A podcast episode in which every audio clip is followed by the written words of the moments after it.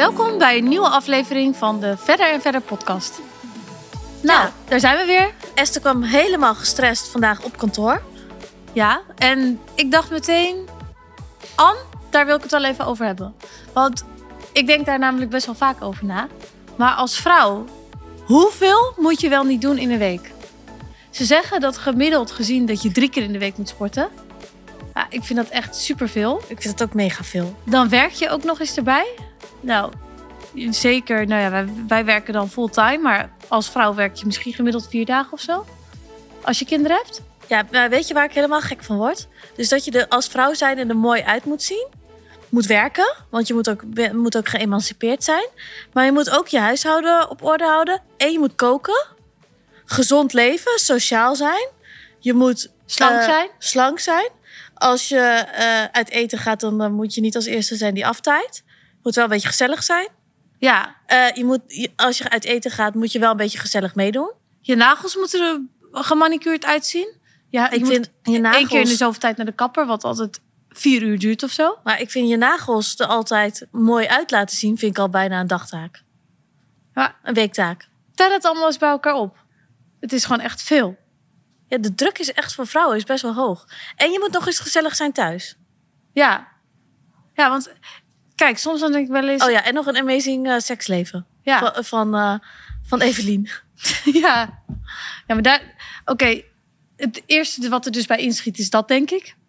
Ja. Of het sporten. Oh, en je wenkbrauwen moeten er altijd heel mooi uitzien. Ja, maar wat zijn nou de eerste dingen die erbij inschieten? Het seksleven. Of sporten. Ik heb nu geen... Bij mij is dat nu geen... eh, dus ik heb nu zeeën van tijd eigenlijk, hè? Ja, maar dat merk ik ook. Ja, dat ik meer tijd heb voor mezelf. Ja, Maar zo, ik ben nu een paar avonden in de week... moet ik dus een beetje aan wennen om alleen te zijn. Maar nu, als ik terugkom van werk... en ik kook dan voor mezelf... dan vind ik al echt een hele... eh, echt heel knap van mezelf dat ik dat doe. Dan denk ik, poeh, de avond vind ik nog best wel lang. maar wat ik ook wel moet zeggen is dat ik me-time hebben. Dus gewoon echt alleen even tijd voor jezelf. Wat jij nu natuurlijk wat vaker heeft, hebt. Is eigenlijk zo belangrijk. En is gewoon echt heerlijk. Ja. Ik kan er echt van genieten. Maar bijvoorbeeld, ik snap echt niet hoe mensen dat doen met drie kinderen, een baan, eh, een gezinsleven. soms dan denk ik wel eens, ik ben 33, maar ik zie er gewoon tegenop om kinderen te krijgen. Omdat ik gewoon niet weet hoe ik alles moet gaan combineren. Ja, en hoe je de, waar je de tijd vandaan moet halen. Het lijken wel, die moeders lijken gewoon ubermensen. Ja, en ze zien er nog steeds super, super eh, door een ringetje te halen uit. En dan ook nog vakanties kunnen boeken in je vrije tijd en weet ik veel wat. Ja, ik denk dat je een mega goede planner moet zijn dan. Ja, daar gaat het bij mij een beetje mis. Ja, ik, zou dat, ik weet ook niet of dat kan hoor. Nee. Maar ergens moet je gewoon, je kan niet alle ballen hoog houden. Er moet iets, er moet iets, je moet iets laten vallen, denk ik. Ja, maar soms ben ik ook onderweg naar eh, kantoor. Dan ben ik helemaal gestrest. Ben, kom ik al uit de sportschool. eh, heb ik het gevoel dat, dat mijn haar niet eh, goed zit. Weet ik veel wat. Is file onderweg naar kantoor. Te laat, te laat op een meeting. Moet ik ondertussen gaan bellen dat ik te laat ben. Je begint je dag gewoon al gestrest. Als ik dan, ik haat eigenlijk ochtends sporten, hè. Ik doe het wel, maar ik moet het ergens Maar ik haat het nog meer s'avonds. Dus S'avonds haat ik het nog meer, dus dan doe ik het maar 's ochtends, omdat ik dan het minst langer erover na kan denken dat ik het moet gaan doen. Ja. Anders moet ik de hele dag erover nadenken. Maar als ik het één keer niet doe, dan denk ik echt, wow, wat is dit lekker. Ja, maar je moet even eh, tegen mij vertellen wat je dilemma was van, voor vandaag. Met dilemma? Ja. Want je zei, ja, ik weet niet of ik dat dan weer vanavond moet gaan doen. Je zei, Oh, ja, ja, ik ben vanochtend gaan sporten. Ja, ik zei, nou, ik, sowieso zat ik altijd twijfel om 's ochtends te gaan sporten. Maar ja, de zomer komt eraan. Dus ik wil gewoon me, me chill in mijn vel voelen. Gisteravond zijn we dus uit eten. Daar heb ik dus eh, pasta gegeten. Vo- nee, voorgerechtjes pasta, vlees, wijn gedronken, als vlees, niet gewoon vlees, maar schnitzel. Ja, en tiramisu. Eigenlijk gewoon alles erop en eraan. Nergens Wijn. rekening mee gehouden. Wijn. Ja, dat zei ik net al. Oh. En nou ja, dan, dan denk ik, ik moet vanochtend wel maar, maar weer gaan sporten. Maar aan de andere kant ga ik vanavond ook weer met Ismael eten. Dus denk, waar heeft het allemaal nut voor? Ik kan beter niet vana- vanavond niet met Ismael gaan eten, hoef ik ook niet te sporten. Ja, maar hoe zou Ismael dat vinden als je daarom zou afzeggen? Ja, vanochtend wilde ik bijna tegen hem zeggen. Van, ik voel me een dikke rommops. Ik wil niet uit eten vanavond. Ja. Aan de Ja. ene kant vind ik het echt superleuk hoor. Gewoon zo'n date night en zo. Maar aan de andere kant denk ik, ja, zo heb ik elke avond wel iets. Ja, maar ik denk wel de quality time met je vriend dat dat wel belangrijk is. Dat je daar niet op moet gaan eh, inkorten. Maar ik wilde serieus zeggen, hé, hey, ons balkon is ook heel gezellig. Zullen we gewoon op ons balkon gaan eten? Ja, met spaarrood zeker. Als je geluk hebt. Kra Ja. Kraanwater. Kraanwater. Maar waar wil je gaan eten vanavond? Ja, dat is nog de vraag. Kijk, over planning gesproken. Ik ben totaal geen planner. En Ismael is heel erg een planner. Dus Dus hij heeft voor vanavond al drie reserveringen gemaakt. geen grap, vijf. Echt? Ja, Maar waar dan? omdat hij dat, dat ik dan gewoon kan kiezen. Waar, waar dan? Ehm Ron Gastrobar in de Oude Kerk aan de Amstel. Leuk. Ron Gastrobar op de Sophialaan. Ja? Ehm Petit Caron in Ja? de Pijp. Ja? Eh, allemaal op het terras, hè? Ja. Ehm er was er nog één. Dan kwamen nog twee stomme dingen die ik niet leuk vond. Dus die ben ik ook al vergeten, denk ik. Maar mag ik je één tip geven? Nou, Zou ik zeggen waar ik heen zou gaan? Als ik jou was? ja. Wat denk je? Oh ja, ik had als tip aange, aangebracht Verilis, maar daar zijn we dus gisteravond al geweest. dus mijn inbreng ook was ook weer top. En die andere twee, ik ben er nog steeds over na aan denken gewoon. Oh ja, mossel en gin. Oh ja? In dat is heel ver, ja. Dat is wel ver, maar ja, Ja. op zich een ander stadsdeel is misschien Ja. ook wel een keer goed. Maar En, zou ik eh, zeggen- Bru de Mer, Bru de Mer. Oh ja. Dat is ook wel leuk. Maar ik Ja? zou sowieso naar Ron Gastrobar in eh Sophialaan gaan. Die heeft echt een fantastisch terras. Ja. Voor in de zomer. Ja. Dus als het een keer mooi weer is, zou ik zeker Oh ja, en. L'Europe hadden we ook nog bedacht. Oh ja. Maar daar zit je wel wat donkerder of zo, vind ik. Ja, Ik vind denk ik, eh, dat vind ik leuker voor lunch, denk ik. oké. En bij ehm Ron Gastrobar Sophialaan kun je echt lekker eten. Anne is natuurlijk heel goed in planning. Dus als Anne en Ismael een relatie zouden hebben... zou het leven er heel georganiseerd en gepland uitzien. Voor elk tripje. Jullie zijn echt hetzelfde, hè? ja. Nee, ik denk wel dat Ismael nog een tandje erger is. Ja? Ja. Nou, op, op vakanties niet, hoor. Nee. Maar ik heb ook altijd, als ik bijvoorbeeld, ik ga nu naar Ibiza bijvoorbeeld met een vriendin. En dan vind ik het leuk. Hallo, we gaan tegelijk, hè? Ja, ja. Maar jij, heb jij al dingen gepland? nee, maar Oh. dat is dus mijn verhaal. Ik vind het leuk om dan al een beetje een globale planning te gaan maken. Maar als ik daarmee kom, worden heel veel mensen daar al op slag gestrest van. Ja. Voor Maar heel dat- veel mensen is het geen vakantie. nee, om, nee. en die zien dan eh, lunch daar, avond daar. En die denken, oh mijn god, dat wil ik helemaal niet. Maar het gaat daar niet om. Het gaat meer dat je altijd een reservering hebt. Dus Ja. als je er geen zin in hebt een keer, dan kun je altijd afzeggen. Maar ga maar eens in hoogseizoen overal Ja, plekjes proberen te Ook regelen moet je heel vaak aanbetalen. Je kan niet zomaar afzeggen. Jawel, je moet gewoon een dag van tevoren wel afzeggen. Maar dat is prima. Ja, oké, maar dat vinden sommige mensen nog steeds irritant. Ja, maar daarom denk ik dat je het type daarvoor moet zijn.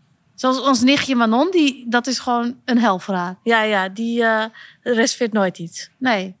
Maar eigenlijk kan je dan bijna niet naar helemaal van die populaire vakantiebestemmingen. Nee, en helemaal niet in juli of augustus. Oh, nu word ik helemaal gestrest hè, voor onze volgende jullie, eh jullie vakantie. Gaan we ook naar Ibiza? Ja, ik heb al een eh, draft gemaakt. Ja, jij bent zo egoïstisch hè? Ga je alleen dat voor jezelf weer maken? Nee, nee, nee. Gewoon voor als groep. Maar zou ik het opnoemen? Ja. Eh huh?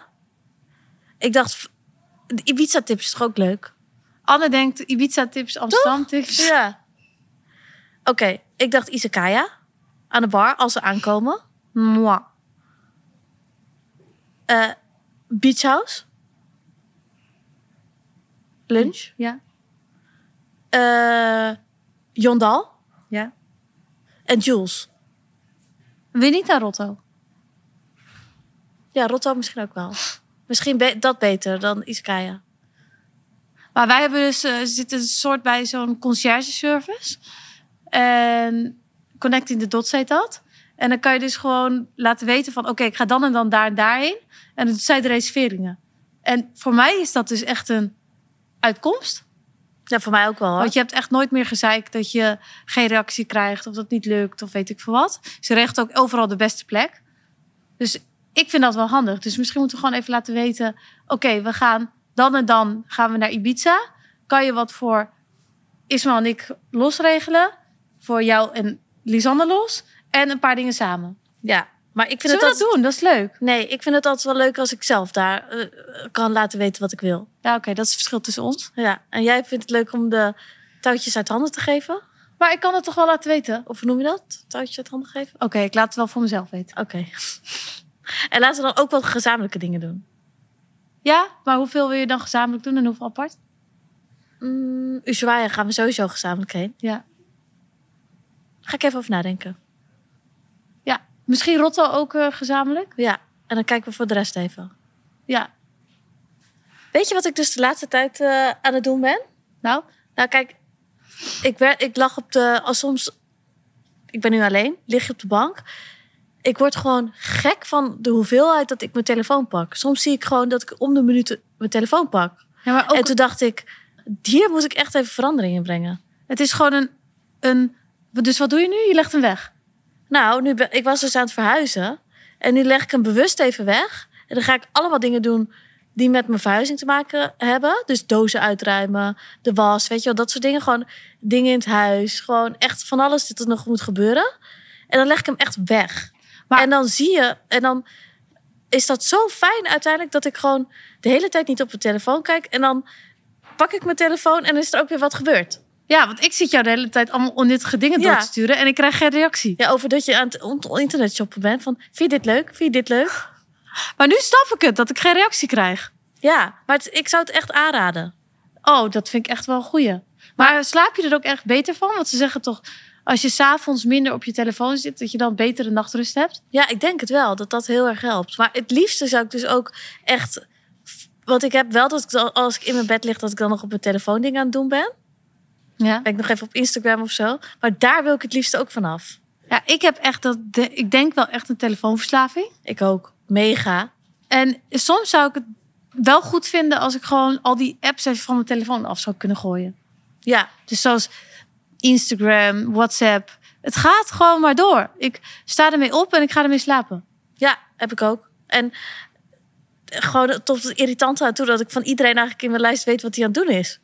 Ja, dan denk en- ik, ja, dat gaat dat, dat, ik spoor toch niet helemaal dat ik dat allemaal wil weten. En als ik een uur niet aan mijn telefoon heb gekeken, dat ik toch gewoon het gevoel heb dat de hele wereld is ingestort omdat Ja. ik een uur niet op mijn telefoon heb gekeken. Ja, en weet je wat ik nog helemaal het erg vind? Dat als ik een keer één avond niks te doen heb, dan denk ik één avond, oké, heb ik geen etentje, geen niks bijzonders op de planning, ben ik gewoon alleen met mezelf. Moet ik eigenlijk genieten? Kijk ik op mijn telefoon, zie ik mijn hele Instagram-lijst, al mijn vrienden uiteten, leuke dingen doen, krijg ik weer FOMO. Ja, maar FOMO, dat is ook echt zo. Dat is dus fear of missing out. Ja, Ik heb daar echt heel erg last van gehad in, in mijn verleden. Ik vond het echt. Ik wilde gewoon overal zijn. Als ik ergens niet was, voelde ik me gewoon left out. ja, Nou, ik heb dat wel iets minder. Maar door social media krijg je dat natuurlijk nog eigenlijk veel meer. ja, want iedereen is de hele tijd leuke dingen aan het doen, behalve jij dan. Je kan nooit overal bij zijn. Ja. En weet je wat ik dus ook heb? Als bijvoorbeeld zoals vandaag is het lekker weer. En dan rijd ik naar huis. En dan heb ik geen plannen. Want dan denk ik, eh, ik ga even rustig aandoen. Even opladen voor de volgende dag. Weet je wel, dat soort dingen. En dan zie ik iedereen aan de rosé, aan de wijn, op terrasjes, uit eten. En dan denk ik, ben ik dan de enige die zo saai is? Ja, maar als, Terwijl ik, ik eigenlijk de hele week leuke dingen doe. maar als je weer altijd uit eten gaat, dan voel je ook weer. Ja. Dus ik vind die gulden Ongezond. middenweg vind ik echt, echt moeilijk hoor. Ja, maar dit, ik denk dat dat voor iedereen moeilijk is. Maar het Dat- lijkt wel gewoon alsof iedereen een leuke leven heeft op het moment dat jij hebt. Maar ik denk dus dat wel echt de key is dat je gewoon minder daarmee moet bezig zijn. Dus minder op social media kijken en gewoon meer echt op jezelf focussen. Van waar word ik nou op dit moment gelukkig van? En soms is het wel echt dat, dat je op dat moment gewoon echt even gelukkiger wordt van een beetje in huis rommelen. Ja, en je moet ook niet zeg maar willen uiteten om het uiteten. Om niet thuis te zitten. Ja. Maar ik vind aanrommelen in je huis vind ik soms heerlijk. Ik ook, heerlijk. Gewoon een beetje niksen. Dan vind ik weer allemaal dingen die ik eh, al lang vergeten was dat ik het had. Ja. En zoals Ja. ehm eergisteren heb ik mijn hele kledingkast op kleur gehangen. Oeh, je had het zeker bij mij gezien. Toen Ja. dacht je, dat is handig. Ja, En nu eh, kan ik opeens alles heel goed vinden. Ja. En dan ontdek je weer allemaal dingen die je, die je eigenlijk was vergeten. Ja, Of ik had laatst ook, eh, of nee, dat moet ik eigenlijk nog doen. eh, mijn make-up uitruimen. ja dat vind ik zo'n kutwerk. Ja, maar dat, dan ontdek je ook weer allemaal dingen die je eigenlijk nooit meer gebruikt. maar ook veel troep. Ja, maar die moet je eigenlijk gewoon weggooien. En dat je het andere gewoon, wat je echt nog gebruikt, dat je dat wel even netjes neerzet. Weet je wel, dat soort dingen. Dus gewoon vaker dingen doen waar je er geen telefoon voor nodig hebt. Ja, rommelen. Rommelen. Ja, is rommelen ook opruimen of is rommelen weer wat anders? Bij mij wordt rommelen echt rommelen en dan wordt het alleen nog maar Ja, rommelig. soms ben je op zo'n punt dat, dat het echt zo'n puinhoop is. Ja. Dat je het nog erger hebt gemaakt. En dan heb je er geen zin meer in. Dat je denkt, nu is het rommelen niet meer Ja. grappig. Maar dan kan je niet meer terug. Maar dan moet je dus gewoon je eh, kleding aan Nicky's Vintage geven. Ja, ja Huh? eigenlijk wel. Ja, Maar dat vind ik ook zo oh, veel gedoe allemaal hoor. ja. Maar goed, we Maar- gaan het doen. ja, ik neem elke dag naar kantoor Albert Heijn tassen mee met oude kleding en zo. Hè? Ja. Elke dag. ja, daar ben jij wel goed in. Ja, de laatste tijd sinds ik aan het verhuizen ben, dan denk ik weer alles wat ik gewoon een tijdje niet meer heb gedragen, weg ermee. Jij bent echt aan het ontspullen. Ik ben aan het ontspullen. Maar jij komt wel helemaal in het... eh, hoe noem je dat? Je wordt helemaal zen met jezelf. Ja, Omdat je en je telefoon aan het wegleggen bent. En je bent aan het ontspullen. maar ik moet wel zeggen dat het een proces is. Ja? Ja, ja. Ik moet echt wennen ook weer aan alleen zijn. Ja. Dus dat ik alleen op de bank zit en dat ik het niet heel chill vind om alleen op de bank te zitten. Maar dat ik het echt even moet toelaten, snap je? Ja, je Dat moet... gevoel. Ja. En dat ik eraan moet wennen. Maar ik denk op een, op een gegeven moment raak je er gewoon zo aan gewend dat het bijna verslaafd, verslavend is. En dat je dan heb je weer iemand om je heen en denk je, Ja, maar ik denk dat, eh, dat, dat denk ik dus. Als mannen te lang gewend zijn om alleen te zijn, dat is het heel moeilijk vinden om weer een relatie met een vrouw aan te gaan. ja, dat denk, Denk ik ik. ook. Denk ik ook. Maar Dat sommige mannen gewoon te lang vrijgezel zijn geweest. straks krijg jij dat ook nog. Ja, dat ik zo'n kattenvrouwtje word. Nee. Maar ik denk als je tweeling bent, dat je dat minder snel hebt. Want jij bent Ja. gewoon altijd gewend dat je iemand om je heen hebt. Ja, als ik twee jaar lang vrijgezel ben, mag je me een kat voor mijn verjaardag geven. Oeh, ja ook ja. Oké, dit is het deal. Oké, oké. Deze, deze heb je gezegd. Het volgende jaar nog een kat. Ja, ja oké, totdat je 80 katten hebt. Ja, zit ik met eh, tien katten op een gegeven moment thuis. Ja. Oké. Word ik echt een kattenvrouwtje. Nou, laten we maar hopen. Dat, nou, ik weet zeker dat dit niet gaat Nee. gebeuren. Nee. Maar het is wel grappig. Ja. Totdat jullie allemaal over twee jaar kat op Anne's Instagram zien, dan weten ja, jullie hoe ja, laat dan het is. weten we hoe laat het is. Maar dan geef ik ze allemaal aan jou, stiekem. Als je op vakantie bent, dan zet ik, Ik hoef geen katten. een dag voordat je thuis komt, dus gooi ik al die katten naar jou toe. Ik, Ik ben geen kattenpersoon. ook niet. Nee. Meer de honden. Ja.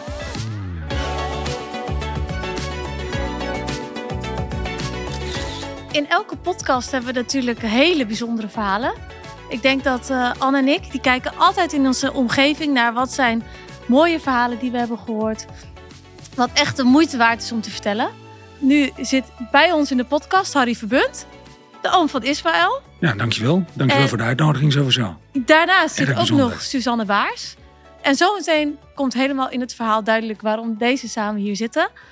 Harry, zou jij eerst een eh, stukje over jezelf willen vertellen en vooral willen, willen vertellen waarom je ook hier bent? Zeker. Nou, zoals je al geïntroduceerd hebt, ben de oom van Ismail.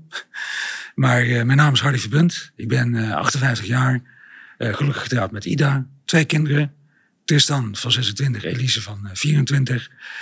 Ehm, en vorig jaar, 27 mei, is bij mij slokdarmkanker geconstateerd, diagnose. En dat, eh, nou, dan ga je een standaard proces in. En dat lijkt al goed te gaan. En dan krijg je eerst chemo in juli. En dan eh, krijg je eh, bestralingen erbij. Nou, dan eh, gaan ze kijken van, eh, heeft dat aangeslagen of niet? Dat had goed aangeslagen. Maar toch besloten ze om toch een operatie te doen. Nou, die operatie betekent dat er eh tweede deel van je slokdarm wordt weggehaald. Tweede deel van je maag. Nou, dat is best wel ingrijpend, hè? ook voor je kwaliteit van ja, leven. heel erg ingrijpend. Maar als je daarmee je leven kunt zeg maar, verlengen en het curatief is, nou is dat hartstikke mooi. Nou, dan ga je herstelproces in. Het herstelproces ging goed. Hè. In januari mocht ik weer beginnen met werken. Nou, ik werk al heel lang voor een eh, IT-bedrijf, al 30 jaar, ruim 30 jaar in de IT. Nou, ik vind dat hartstikke leuk. Ik ben tevens ook verantwoordelijk voor het healthcare segment. En ook wereldwijd ben ik adviseur voor het bedrijf op healthcare. Dus healthcare ligt me na aan het hart. En ik ken de zorg in Nederland ook al goed. Eh, tot ik op 7 april, jongsleden, de mededeling kreeg dat eh diagnose was gesteld dat mijn slokdarmkanker uitgezaaid is. Nou, als je dat krijgt te horen, dan is dat meteen palliatief. En wat betekent palliatief? Dat het ongeneeslijk is. Nou, dan stort je wereld denk ik ook wel even in elkaar. Omdat je natuurlijk Ja. twee jonge kinderen nog hebt. Klopt, Een vrouw die springlevend is. klopt. Eh, en zelf ook springlevend. Zeker, ja. Dus je voelt jezelf ook nog jong. Ja, En ik ben gewoon hartstikke actief, ben sportief. Eh, ja, de grond zakt onder je voeten vandaan. En Ja. op dat moment, eh het moment dat ik dat te horen kreeg eh, van de arts, dat was een gesprek van een kwartier. Dan eh, heb ik een aantal vragen gesteld. En toen kon die arts mij niet vertellen wat er nog meer zou gaan volgen. Dan word je doorgestuurd naar een receptioniste. Waar je een afspraak moet maken met een oncoloog. En that's it. Dan ga je naar huis. Afspraak werd nog niet gemaakt, want er was nog geen gelegenheid. Dan ga je naar huis toe met het beeld, het is afgelopen. ja. Dat is wat er gebeurt. En je krijgt ook niet meer informatie. Geen informatie, nul. Maar eigenlijk is dit natuurlijk ook wel wat veel mensen eigenlijk horen. Van Klopt. eh, je bent ongeneeslijk ziek.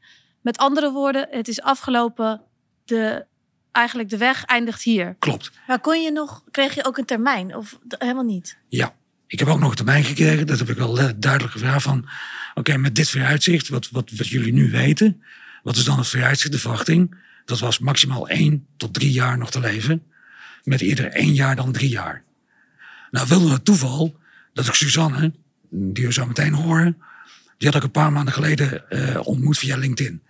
En waarom? Omdat zij een podcast of een, LinkedIn heeft, een eh, TED-talk, waarin zij vertelt wat haar missie, haar passie is om de gezondheid te verbeteren. En dat er veel meer mogelijkheden zijn dan we eigenlijk weten. Nou, dus ik heb een dag later heb ik Suzanne gebeld. Er was nog nooit eigenlijk persoonlijk contact gehad, maar ik heb ze wel gebeld. Om te zeggen, nou Suzanne, ik wil eigenlijk met je samenwerken als patiënt zijnde. Om jou te helpen. Ook vanuit mijn IT-achtergrond om te kijken, kunnen we een platform samen maken. Ik zei, maar ja, voor mij is het voorbij. Het is klaar. Het is einde oefening. Ik kan niet meer. Want het is ja, ongeneeslijk. Nou, dat was het moment dat Suzanne tegen mij zei: Nee, het is niet klaar. Want er zijn nog zoveel andere mogelijkheden. En ik ga jou helpen om die mogelijkheden te onderzoeken. Om te kijken hoe we in ieder geval jouw leven kunnen verlengen. En met een hoge kwaliteit van leven. En idealiter om te kijken naar een cure. Dat die kanker niet meer dodelijk wordt, maar chronisch wordt. Ja, en dat is natuurlijk waar we met z'n allen naar op zoek zijn Ja, is dat kanker chronische ziekte wordt en geen dodelijke ziekte. Nou, nu weet ik gewoon van de onderzoeken die ook gaande zijn, onder andere bij het Antonie van Leeuwenhoek ziekenhuis, en dat zij ook al heel ver gevorderd zijn om kanker chronisch te maken. En ik geloof er heilig in dat kanker over tien jaar chronisch is. ja. En dat we met z'n allen niet behoeven te sterven aan kanker. Ja, maar dat is misschien dan wel vervelend. Medicatie moet nemen, maar dan wil ik er door kunnen gaan. maar dat is wel baanbrekend, denk ik, toch? Dat is wel baanbrekend, absoluut. Ja. Als je nu kijkt naar. Je hebt, verschillende, eh, je hebt heel veel verschillende kankersoorten. En mijn, mijn kankersoort, slokdarmkanker, daar zit je best wel, best wel in de slechte kankersoorten. Met de overlevingskans na vijf jaar nog 24 procent. dus dat is al niet best. Terwijl als je kijkt naar bijvoorbeeld borstkanker, is de overlevingskans al veel hoger, hè, boven de 90 procent. Dus je ziet al dat bepaalde kankersoorten al richting 100 procent gaan. Naar meer chronisch gaan. Nog steeds vervelende gevolgen, maar niet meer dodelijk. Nou, en ik geloof er ook heilig in dat voor mijn kankersoort, dat we nu versneld aan de weg aan het timmeren zijn om te komen dat het ooit chronisch gaat worden. Nou, wat ik nu aan het doen ben, ik ben eh, onder andere overgestapt van het eh Antonie Zeer- Leeuwenhoek ziekenhuis naar het eh eh, Antonius ziekenhuis, naar het Antonie Leeuwenhoek ziekenhuis. En toen ben ik versneld in een studie terechtgekomen. Dat wil zeggen dat het een eh, nog niet bewezen medicatie is, waar ik nu mee gestart ben, twee weken geleden. En dat zou mijn leven al moeten verlengen. En dat is allemaal gekomen. Nou, ik maak een hele grote sprong in de contacten met Suzanne. En Suzanne heeft me weer contact gebracht met een professor hier in Amsterdam. De professor Bob Pinedo. En die professor is oprichter onder andere van het vuurkankercentrum. Daar ben ik geweest voor een second opinion. En die man zei, nou als ik kijk naar jouw tumor, dan zit er een heel specifiek eiwit op. En dat maakt het wel heel specifiek. Dat eiwit noemen ze HER2. Nou, ik wist van niks. Ik had dat ook nog nooit eerder gehoord in het afgelopen jaar. Maar die man zei, omdat die HER2 op jouw tumor zit, is een medicatie mogelijk die specifiek naar cellen op zoek gaat die die HER2 bevat. Of Ja. een medicatie die die kankercellen kapot kan maken. Nou, dat was voor mij een openbaring. Maar kijk, dat vind ik dus wel echt heel bizar om te horen. Dus dat je eigenlijk naar het ziekenhuis gaat die zegt: Oké, eh, dit en dit is er gaande. Eigenlijk is het einde oefening. Klopt, En je gaat zelf ga je verder kijken. klopt. En eigenlijk blijkt er gewoon nog veel meer te zijn dan dat er is je je verteld is. Dus eigenlijk, Ja, stel je voor, eens. je was niet zelf zo geweest. Nee. Dus je was zelf, had je gewoon gedacht, eh, oké, dit is het dan. En ik ga niet verder op onderzoek uit. Dan is dit gewoon hoe je nu had gedacht. Heel veel mensen om me heen, hè, ik hoor dat ook. Hè, mensen die ook de, ja, dezelfde ziekte hebben in allerlei verschijningsvormen. Die leggen zich erbij neer bij het eerste oordeel van de arts. Ja, Ja, mijn, ja, mijn oproep is toch ook naar, eh, ook naar jullie luisteraars. Als je dit in je omgeving hoort, ga verder zoeken. En kijk ook naar wat ik dan noem een second opinion. En naar specialisten in de omgeving. En in mijn geval was het wel dat ik het zelf moest betalen. Maar het gaat om mijn leven. Dus al moet ik er mijn huis voor verkopen. ja je doet alles. Ja. Ik doe alles ervoor om mijn leven te verlengen. Ja, Dat ik wel uiteindelijk mijn kleinkinderen geboren zien worden. ja, En op zien groeien. En een verhaaltje voor kunnen lezen. Dat is mijn doel. ja. Dus ik we kan me er niet bij neerleggen dat het nu is afgelopen. Dus blijf zoeken in je omgeving naar andere mensen die jou kunnen helpen. Want hoe is dat toen gegaan daarna? Tussen eh, jullie? Nou, ik kom zelf uit de zorg. Ik heb mijn achtergrond als biomedische wetenschapper. Wist Ehm, je dat Esther één jaar biomedische wetenschappen heeft gedaan? Kijk, nou, dan weet jij eh, dus alles van. Ja, als ik jou Maar zie zo Hij volgens mij alleen maar drieën en vieren. Ja, dus eh Dan, eh, luister vooral niet naar mij. Maar met, ja, met biomedisch ga je dus kijken op celniveau van wat veroorzaakt nou eigenlijk echt de ziekte. En eh, nou, ik wou zelf altijd arts worden. Ik was eh, vroeger uitgeloot. ik ook. En nou, kijk, we hebben wat gemeen. Maar ik zie jou nu echt geen arts zijn, nee, hoor, ik ook niet. Nou ja, en toen was ik dat dus gaan doen. En toen, eh, ik was altijd al gedreven door de verhalen van mijn vader. Dus ik kom uit een medisch gezin, gespecialiseerd in precision medicine. En mijn vader, die, die kwam elke avond thuis met verhalen over eh, families. Meestal ouders met jonge kindjes en mensen in de 30, 40 die dan met ziekte te maken krijgen. En meestal iemand die, die een dierbare is, ehm, eh, is overleden. En dan het verhaal over een gebrek aan toegang tot de, de, juiste, de juiste expertise. Dus tot de juiste arts of iemand die te laat wordt doorverwezen of het dus niet had kunnen vinden. Dus ik heb mezelf als klein meisje altijd al de vraag gesteld van ja, maar waarom is het dan zo? En waarom, als we zeggen dat de zorg zo goed is, zijn dit verhalen die ik elke avond, elke dag van mijn vader hoor. Want als je net pech hebt, zit je dus bij de verkeerde, bij de verkeerde arts, verkeerde ziekenhuis. Lijkt me ook best wel En dat is eigenlijk Ja. je, je dood. Maar lijkt Nou me ja, ook best en wel dat- heftig als je te laat, te laat iemand vindt. Dus dat je het besef hebt, oké, als ik eerder bij Ja. deze persoon terecht was gekomen, had het misschien mijn leven. Ah ja, precies. En dat, Dat heeft natuurlijk wel een reden. Want dat is natuurlijk wel hoe de zorg eh, is getransformeerd in de afgelopen tien jaar. Dat je natuurlijk kijkt van ja, vroeger werd heel simpel gezegd: ja, borstkanker, dan heb je borstkanker. Maar nu tegenwoordig met alle diagnostische middelen kunnen we gewoon kijken naar de tumor zelf, zoals Harry ook al zei. En hoe ziet jouw tumor eruit? Maar wat dat ook betekent, is dat je dus eigenlijk naar een arts wil die, die ervaring heeft met jouw type tumor. Die dus ook daar andere patiënten mee heeft geholpen. Die dus ook een beter beeld heeft van ja, wat kunnen we nou doen? Want wat het moeilijke is bij kanker, is dat je zo ontzettend veel eh, patronen hebt in die tumorcellen en verschillende behandelingen. En dan kun je ook nog eens denken in de combinatie van behandelingen die je nodig hebt, in welke tijd. Ehm, dus dat is best wel een puzzel. En daarom is het zo belangrijk, juist bij, bij kanker, dat je dus kijkt van naar, naar wie moet ik hiervoor gaan. En dat is dus ook een probleem. En ja, daar ben ik zes jaar geleden heb ik mijn eigen bedrijf voor opgestart. Omdat ik zag van ja, in de zorg, vooral eh, patiënten met complexe tumoren, die vallen gewoon buiten. eh, de, de buiten, die worden niet geholpen, die hebben geen guidance. Vaak word je ook al afgeschreven. Dat heeft natuurlijk ook Oh, met heel veel. erg, hè? Ja. Ja, en dat heeft natuurlijk, er zijn zoveel verschillende incentives. Maar wat ik ook altijd zeg van ja, uiteindelijk gaat zorg, waarom zijn we er? Om, om mensen te helpen. Dus hoe kun je niet kijken naar van oké, hoe ziet de zorg eruit en hoe is het hier ingericht en wat kunnen wij? Maar vanuit de persoon, wat heeft deze persoon nodig en hoe kunnen we zo goed mogelijk helpen? Nou ja, en ik heb dus mijn hele leven eh, patiënten die naar mij toe kwamen met deze verhalen en vroegen om hulp. En dat ik dacht dus van ja, hoe kan ik daar nou iets aan doen? En nou ja, zo ben ik dus uiteindelijk gaan samenwerken met een paar oncologen. Dus zo ook eh, professor Bob Pinedo. En, en dan heb ik gezegd van oké, als je dus gediagnosticeerd bent, uh, hoe kun je naar een expert gaan die ook niet alleen maar een half uur of een uur de tijd neemt, maar die bijvoorbeeld gewoon een hele dag naar jouw case kan kijken. Ja, En die dan ook weer heel veel andere artsen kent en, en precies. ook want die buiten kennen Nederland. natuurlijk ook weer heel veel Ja, mensen. hoe Ja. vind je zo iemand?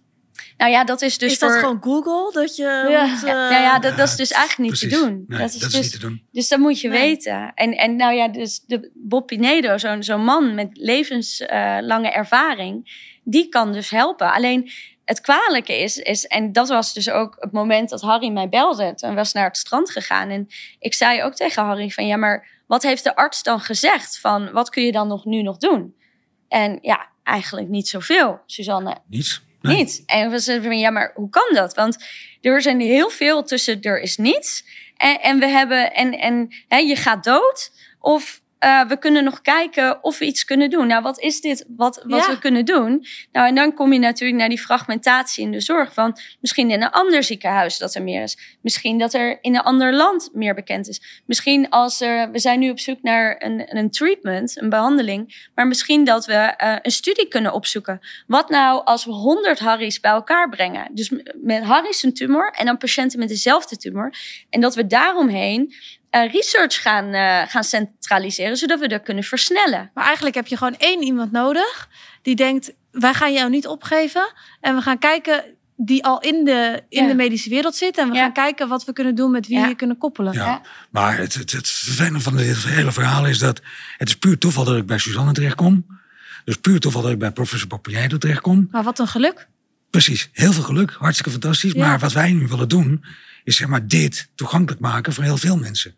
Nou, dat is echt, denk ik. Ja, dat, dat is mijn beeld en dat Ja. is ook mijn, ik noem het maar mijn legacy. En wat ik wil bereiken is uiteindelijk een kuur voor mij. En dat is mijn ultieme doel. Maar uiteindelijk moet dat niet alleen voor mij zijn, maar voor miljoenen andere mensen. De toegankelijkheid van de zorg. En op wat voor manier willen jullie dit gaan doen? Nou, dat willen we op eh, eh, eigenlijk meerdere manieren doen. We gaan binnenkort een website lanceren waarbij mensen zich in ieder geval kunnen melden. En wat we willen gaan doen is een groot platform bouwen waarbij patiënten zich laagdrempelig kunnen melden. Dus op het moment dat je denkt dat je klaar bent, kun je daar melden. Dan kun je aangeven, oké, dit is mijn tumor.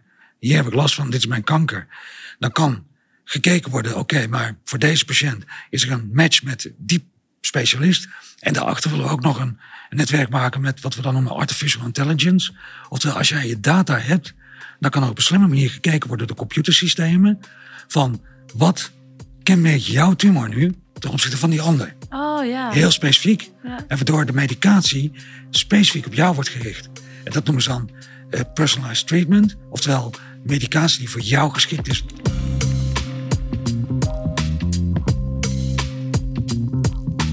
Kijk, mensen gaan nu naar Google en dan ga je zoeken, maar Google is niet gemaakt om die speci- specifieke matchmaking eh, Nee. te realiseren. En ook daar, want eh, er zit natuurlijk een heel datamodel achter. En dat begint natuurlijk eigenlijk al vrij simpel van ja, Harry heeft slokdarmkanker. En daarna kun je kijken van oké, wat zijn die tumorspecificaties? Alleen eh, daarna ga je natuurlijk ook echt naar de data kijken. Dus dat is dat, dat is niet zo heel makkelijk. Maar door alleen al de patiënten bij elkaar te vinden en de tumornamen bij elkaar in te typen, kun je dus in ieder geval mensen die nu al zoekende zijn op Google, ons laten vinden. En daarmee dus in het netwerk elkaar Precies, kunnen ja. laten vinden. Dat kan al stap 1 Dat alleen al. En Ja. misschien dat we ook mensen elkaar kunnen tippen. Van, Zeker. Ik weet Ja. het niet, maar mijn collega daar en daar. Of die ken ik uit Ja. mijn netwerk, die Ja. weet wel hier meer Ja. van.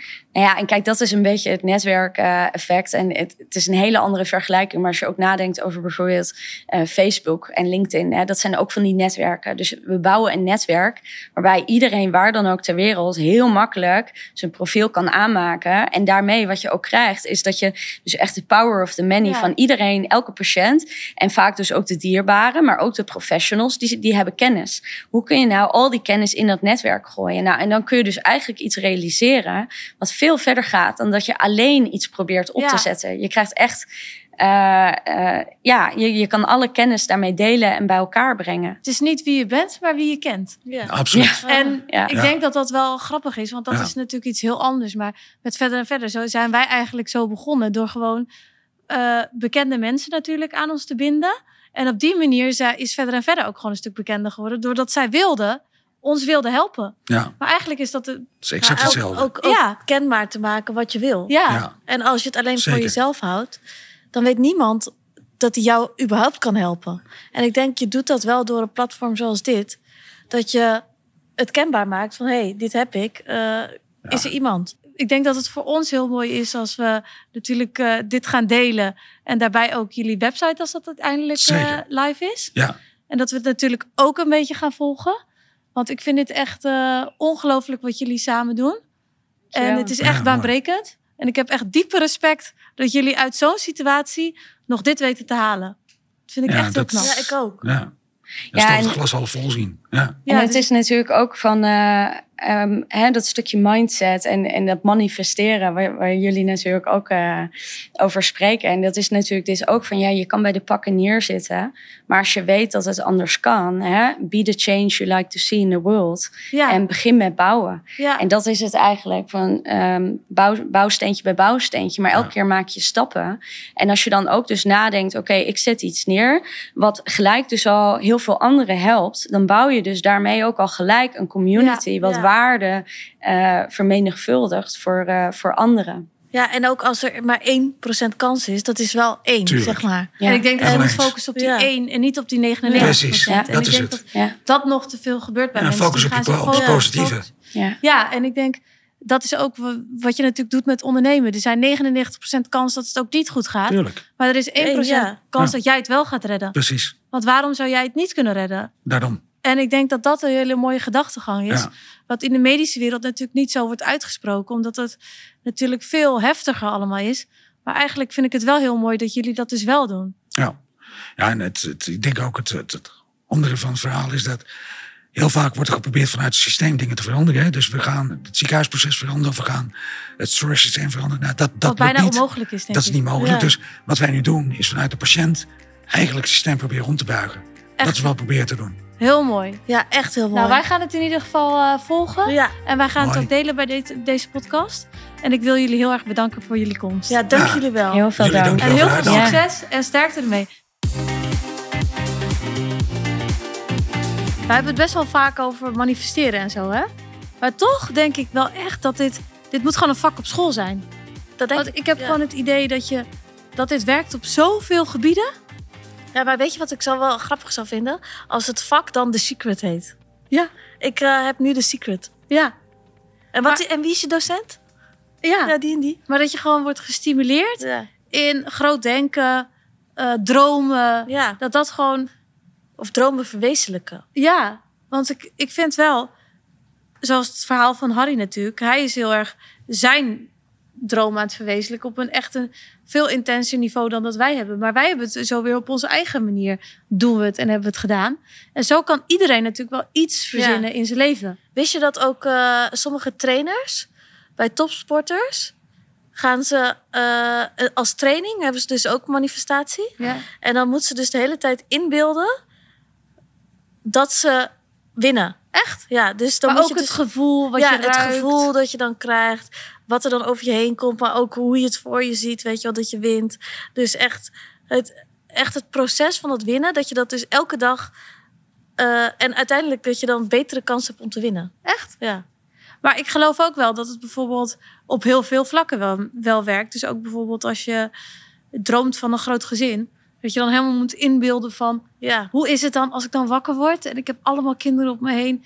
Ik ga ze, wat ga je dan doen? Ga je ze wakker maken? Ja. Ga je eten voor ze maken? Ja. Wat doe je allemaal? Dat je dat, daar heel bewust altijd mee bezig bent. Ja, maar ik denk dus dat de secret ook op een negatieve eh, manier kan werken.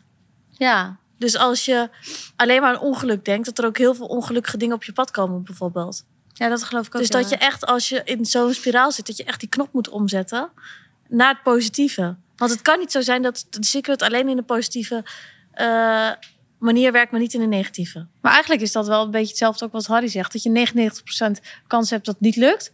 Maar 1% kans dat je het wel haalt. En dat je vooral moet focussen op die 1%. Ja. ja, en waarom zou het bij jou niet lukken? Ja, Ja, En ik denk dat moet je gewoon, bijvoorbeeld als voetballer kan je dat natuurlijk ook doen. Ja, Ja. er is een hele grote kans dat je het doelpunt mist. ja, Maar er is ook een kans dat je dat wel haalt. Ja. En dat moet je dus voor je gaan zien. ja, En zo kan ik echt nog wel voor iedereen denk ik wel iets verzinnen. ja. Ook als je examen doet. Ik heb altijd toen ik examen, ik ben ook eh, een keer gezakt voor mijn examen. Maar ik heb altijd gedacht, ik kan het niet. Ik zat toen ook heel erg in een negatieve, ne- negatieve spiraal. En, En op een gegeven moment ging ik denken, ik kan het. En toen ging ik dingen halen. ja, of met eh, rijles. Ja, Ik had de hele tijd in mijn hoofd, ik kan dit niet, ik kan dit niet. Ik ben drie keer gezakt met voor eh, examen, met Oh. rijexamen. En op een gegeven moment ging ik eh, denken, van, ja, dit ga ik gewoon halen. Dit kan ik gewoon. Maar Maar wij zijn er ook niet echt in opgegroeid, hè, in positief denken. nee. Bij ons was het altijd zo van, eh, roep maar niet te hard dat je het kan, want straks kun je het niet en dan lacht iedereen je uit. Maar dat denk ik ook boeiend. Ja. Dat, dat het niet, eh, weet je wel, dat het niet lukt. Ja, Kijk, niet alles in je leven kan lukken altijd. nee. Maar dat vind ik hetzelfde. Zat ik vanochtend nog over, over na te denken toen ik me aan het opmaken was. Over bijvoorbeeld als een relatie uiteindelijk niet lukt. Kijk, je hebt toch wel ergens een beetje schaamte van, oh, het is niet gelukt. Ja, Maar aan de andere, andere kant, heb ik wel. ja, maar aan de andere kant, je moet maar zo denken. Niet alles in het leven kan lukken. Nee, en, Soms heb je ook wel eens dingen die niet lukken. Ja, en dan? ja, en het zou ook een beetje raar zijn als je uit schaamte toch maar 30 jaar langer met iemand doorgaat. Terwijl je eigenlijk al weet dat het het niet is. Ja, en maakt het jou een slechter mens dat, je, dat het niet is gelukt?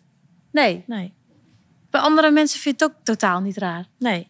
Eigenlijk moet je gewoon trots zijn op dingen die niet zo goed zijn gegaan dan die wel goed zijn gegaan. Omdat je er gewoon beter van kan worden en van kan leren. Ja, ja, want je hebt natuurlijk ook heel veel van die motivational podcasts. En die gaan, gaan over failure. Ja. Ja. Kijk, bij mij is dus, eh, ik zei het net ook al, eh, ik heb een jaar biomedische wetenschap gedaan. Niet gelukt. Op het moment dat het niet lukte, baalde ik dus echt als een stekker dat het niet lukte. Ja. Ik dacht echt, Wat ik ben moet- dom en eh, waarom lukt het mij nou niet? en wat moet ik nu gaan doen? Ja, ik, ik eh, kan niks anders. Ik wist het gewoon niet. Het was, arts zijn was eigenlijk echt mijn droom. En nou ja, dat was gewoon niet voor mij weggelegd. Maar wat ben ik blij dat dat niet voor mij was weggelegd. maar als, kijk als, waar je ik echt in, als je echt in God zou geloven, zou je zeggen: God had een ander plan voor je. Ja, Het leven is anders uitgestippeld voor jou dan je. En toen dacht je dat dat het eind van de tunnel, of nee, nee dat de deur dicht ging. ja. Maar eigenlijk gaan er dan weer miljoenen deuren open. alleen als je erin Dat je zit, weet je nog niet. dat zie je dan niet. Nee. En ik denk wel dat, uit, je ziet het niet meteen, maar na een tijdje zie je dat gewoon van dingen. Ja. En dus ik denk, sommige dingen zijn ook wel meant to be om niet te lukken. Dus daar moet je ook wel heel erg rust in Ja. vinden. En gewoon focussen op wat je wel wil. En Ja. wat je dan wel wil. En dat dat nog zoveel meer is dan dat je ooit had kunnen, kunnen bedenken. Ja, en je zult zien dat er dan ook andere dingen op je pad komen. Ja, En nieuwe dingen. want ik had nooit in mijn levensjaren verwacht dat ik überhaupt een beetje bekend zou worden. Nee, maar het moet wel zo zijn dat als, je, als er nieuwe dingen op je pad komen, moet je die met, wel met beide handen aangrijpen. Ja. En heel positief altijd Ja. zijn in je mindset. Ja, Ook al heb je één negatieve gedachte, je moet altijd zorgen dat je die uit je hoofd weet te bannen. Want het is echt een neerwaartse spiraal als je negatief denkt. ik heb dat al een tijd lang gedaan hoor. Negatief gedacht? Ja, Wanneer dan? toen ik 16 was denk ik of zo. Ja, van oh, waarom is het leven, Ja. leven zo zwaar? ik dacht dat iedereen leuker, beter was dan ik was. En eh, nou, echt als je maar één dag, een positieve dag hebt, dan kun je daar weer op verder bouwen. Ja. Maar als je dat niet ziet en die dag Ja. niet komt, dan kan je heel lang erin blijven zitten. Ik denk dat echt positieve gedachten, Het belangrijkste van alles is. ja.